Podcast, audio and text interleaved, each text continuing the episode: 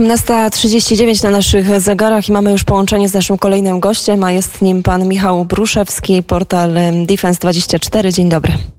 Dzień dobry, witam panią, witam słuchaczy. Panie Michale, my porozmawiamy mm, oczywiście o Ukrainie. Pan jest jednym z tych dziennikarzy, z tych publicystów, którzy od początku tej agresji rosyjskiej śledzą, opisują ten konflikt, ale także był pan na terenach Ukrainy w różnych miejscach, udzielał się pan charytatywnie i nie tylko. No właśnie, proszę opowiedzieć, jakie obrazy, jakie doświadczenia przywiózł pan ze sobą do Polski?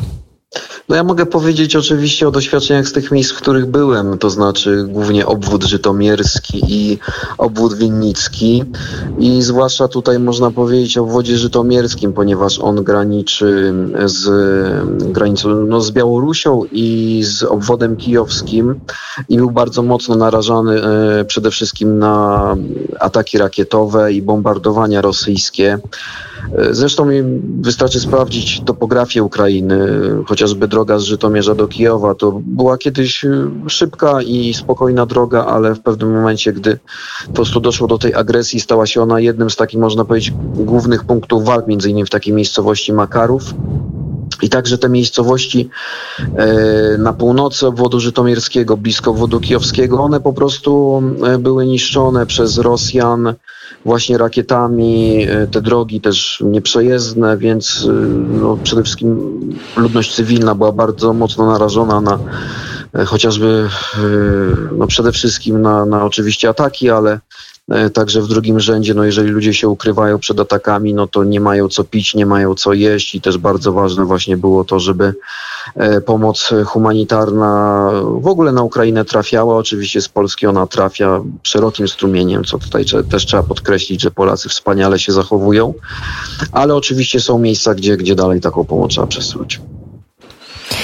No właśnie, o tej pomocy humanitarnej jeszcze za moment porozmawiamy, ale najpierw e, niestety taki trudny temat, tym bardziej Wielki Piątek, natomiast e, o tych zbrodniach wojennych, które są cały czas e, popełniane przecież na Ukrainie mówić trzeba i trzeba mówić głośno, a pan bardzo dużo dowodów tych zbrodni widział na własne oczy.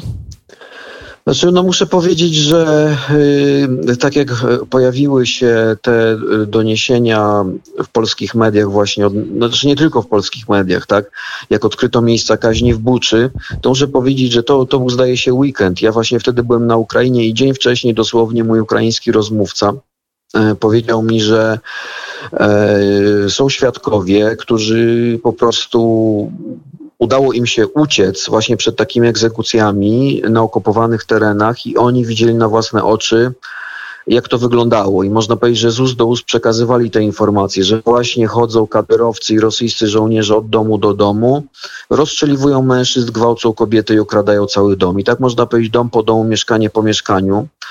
Bo wcześniej w zasadzie w zachodniej prasie oczywiście pojawiały się takie informacje, ale to było trochę traktowane moim zdaniem jako taki pewne epizodyczne wydarzenia, jakieś takie akty maruderstwa. Tymczasem to było schematyczne właśnie i to, to tak wygląda, tak wygląda ta rosyjska okupacja. Schematyczne, dom po domu, mieszkanie po mieszkanie, po prostu mordowanie ludzi, ludobójstwo, no, a potem cały świat się dowiedział, tak, o tych ciałach y, znalezionych, o ludziach, którym zawiązano z tyłu ręce. Zresztą zauważmy, że to jest na wzór katyński zbrodnia robiona, bo tych ludzi po prostu rozstrzeliwano, wcześniej wiązano im ręce, przysypowano piachem. No, straszliwa tragedia. Wydawało się, że prawda, XXI wiek mamy, że już to się nie powtórzy, no, a tymczasem widzimy, że jednak ta rosyjska praktyka wojenna ludobójstwa cały czas trwa i no, nie zmieniła się i cały czas po prostu trwa.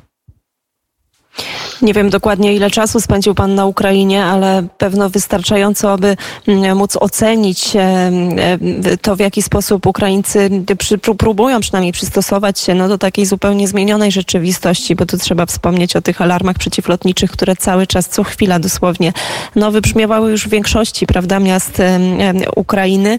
No i też to takie widmo wojny. Proszę powiedzieć, jak ocenia Pan morale Ukraińców, nie tylko żołnierzy, ale także właśnie cywilów, tych osób, no, które które też bronią swoich, swoich znaczy, domów. No, morale jest bardzo wysokie. Morale jest bardzo wysokie. Wszyscy mówią o zwycięstwie. Widać było, że e, nie przestraszyli się tego rosyjskiego ataku na początku wojny. Wręcz przeciwnie, można powiedzieć, że każdy taki akt terroru, każdy atak rakietowy na miasto, on tak naprawdę wzmaga e, chęć oporu, e, dlatego że przecież w zasadzie no, to już trwa 8 lat.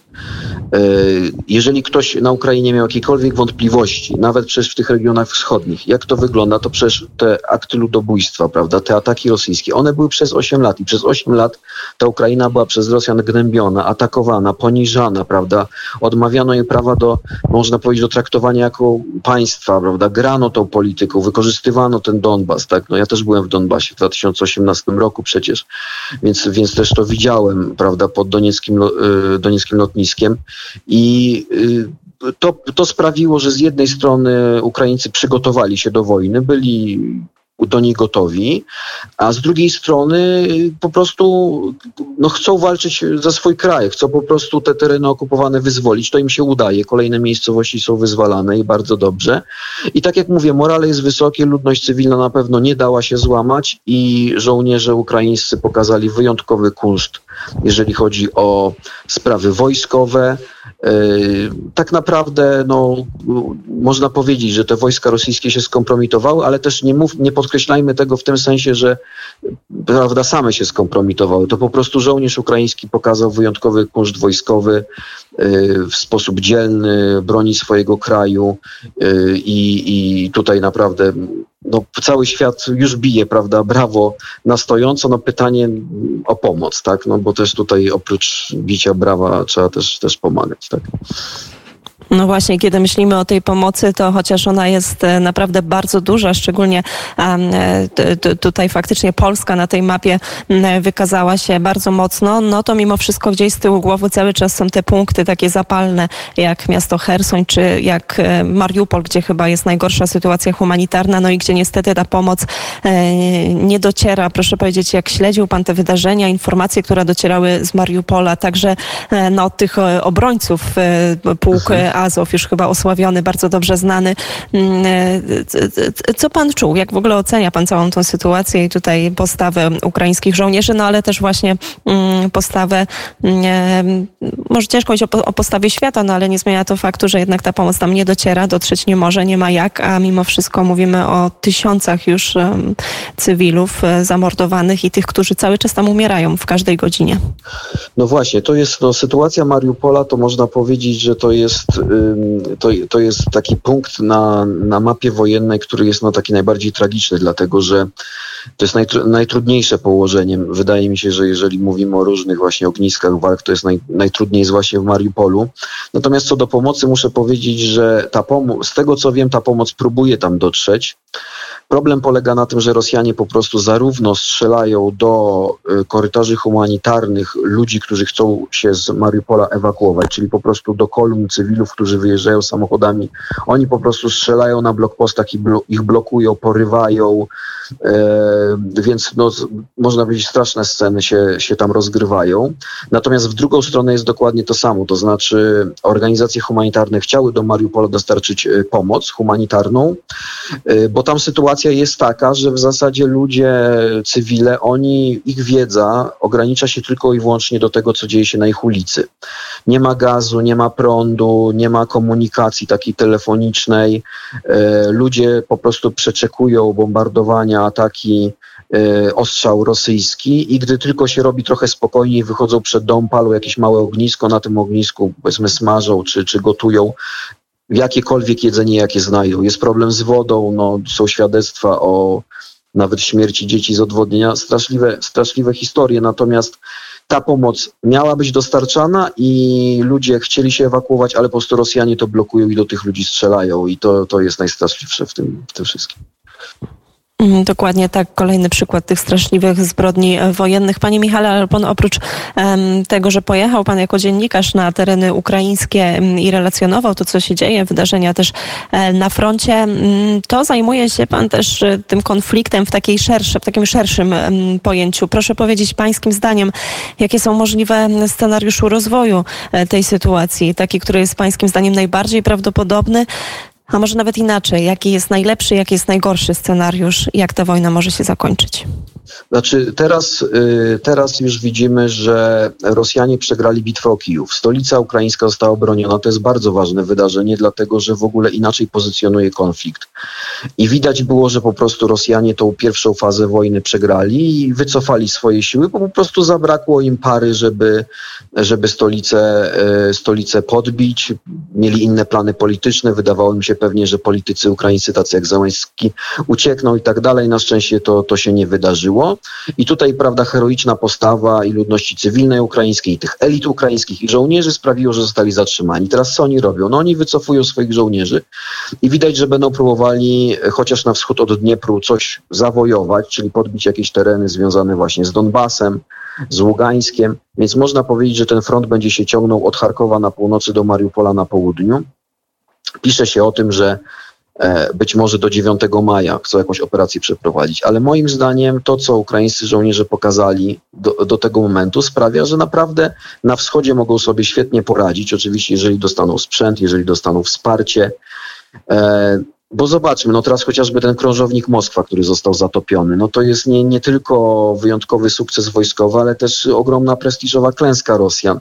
I co się może wydarzyć? Na pewno wzmogą niestety terror rakietowy, terror artyleryjski, ataki na ludność cywilną, bo właśnie tam, gdzie im się nie powiedzie, tam starają się wykorzystać tego rodzaju elementy, ale to w żaden sposób, te, tego rodzaju zbrodnicze elementy, ale to w żaden sposób nie gasi oporu, wręcz przeciwnie, sprawia, że ludzie po prostu mm, no, są zdeterminowani, żeby bronić swojej ojczyzny, więc ja bym oczywiście tutaj wojsk ukraińskich y, nie przekreślał na wschodzie kraju. Wydaje mi się, że po tym, co zobaczyliśmy, y, też y, te wojska rosyjskie ugrzęzną. To byłby najlepszy scenariusz. Oczywiście pytanie, na ile państwo w trybach wojennych jest w stanie się bronić, ale to tak samo jest pytanie, ile państwo w trybach wojennych jest w stanie atakować, no bo sankcje, problemy, ogromna ilość straconego sprzętu, ogromna ilość straconych żołnierzy e, w przypadku rosyjskim powoduje, że ta wojna jest wyjątkowo kosztowna i sprawia, że Rosja ogranicza swoje cele. No to no, chociażby Kijów, tak? No to, to już jest, można powiedzieć, element, to jest sukces, który, który spokojnie można powiedzieć, że bitwa o Kijów została wygrana przez, przez Ukrainę. E, no i zobaczymy, jak to będzie. Też ja nie, nie, nie należę do tej grupy ekspertów, która jednoznacznie mówi, co się wydarzy i stara się przewidywać przyszłość. Scenariusze są różne. Najlepszy scenariusz jest taki po prostu, że dla Rosji ta wojna będzie tak kosztowna, że w pewnym momencie będzie musiała e, w jakiś sposób się porozumieć i uznać te warunki, które w sposób zdecydowany stawiają elity ukraińskie i bardzo dobrze to robią. I mamy nadzieję, że to jest e, ten scenariusz, który się ziści, ale niestety też e, drugi jest taki, że Ukraina e, nie będzie w stanie w nieskończoność się bronić, jeżeli ta pomoc będzie tylko pod postacią jest bardzo dużo, ale to jest dostarczanie sprzętu i wsparcie finansowe. No, a mimo wszystko te prognozy gospodarcze, ekonomiczne mówią też o tym, że te sankcje no, dotkną oczywiście Rosję bardzo mocno, już to już tak, tak się dzieje, ale nie na tyle, aby ona w jakimś krótkim czasie mm, się załamała. To jest też oczywiście ten gorszy scenariusz, no ale dobrze, mamy Wielki Piątek, jesteśmy mm, e, tak naprawdę w trakcie najważniejszego święta mm, dla chrześcijan. To też e, mowa o tej nadziei.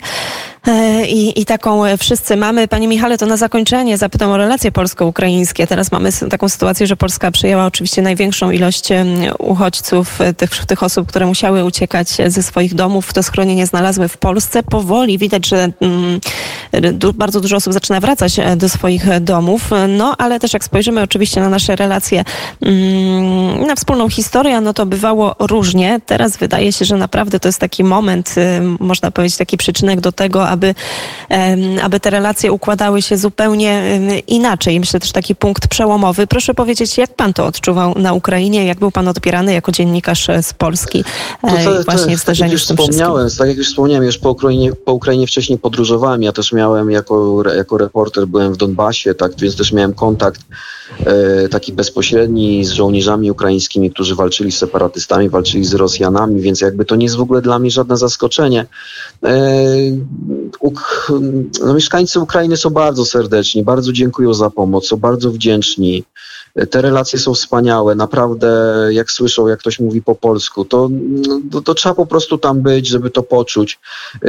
Jest to pewne takie braterstwo no tak jak już wspomniałem, to, to też w ogóle bardzo blisko e, kulturowo jesteśmy z, z Ukrainą. Oczywiście w Polsce pojawiały się też różne informacje, ja też jako, jako publicysta starałem się to prostować. Mam wrażenie, że, że, że te osoby, które w jakiś sposób zły mówiły o Ukrainie czy, czy, czy o Ukraińcach, oni po prostu tej Ukrainy nie znali, bo są to ludzie bardzo serdeczni, bardzo otwarci na kontakty z Polakami, bardzo przyjacielsko do Polaków nastawieni. Przede wszystkim to są ludzie honoru.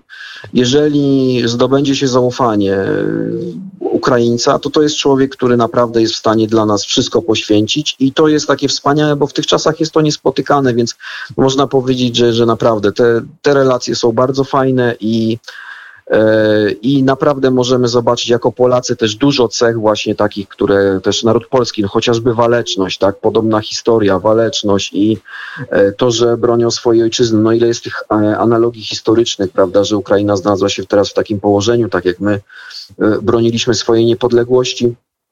Więc tutaj można powiedzieć i kod kulturowy, i język jest podobny, i i też tak, takie po prostu zwykłe ludzkie zachowania są bardzo podobne, więc no ja można powiedzieć, że tutaj bardzo, bardzo serdecznie zawsze się wypowiadałem o, e, o Ukraińcach i zawsze namawiałem, jeżeli ktoś jakiekolwiek miał wątpliwości, to żeby po prostu tam pojechał i poznał tych ludzi, to wtedy na pewno, na pewno w tej Ukrainie się zakocha.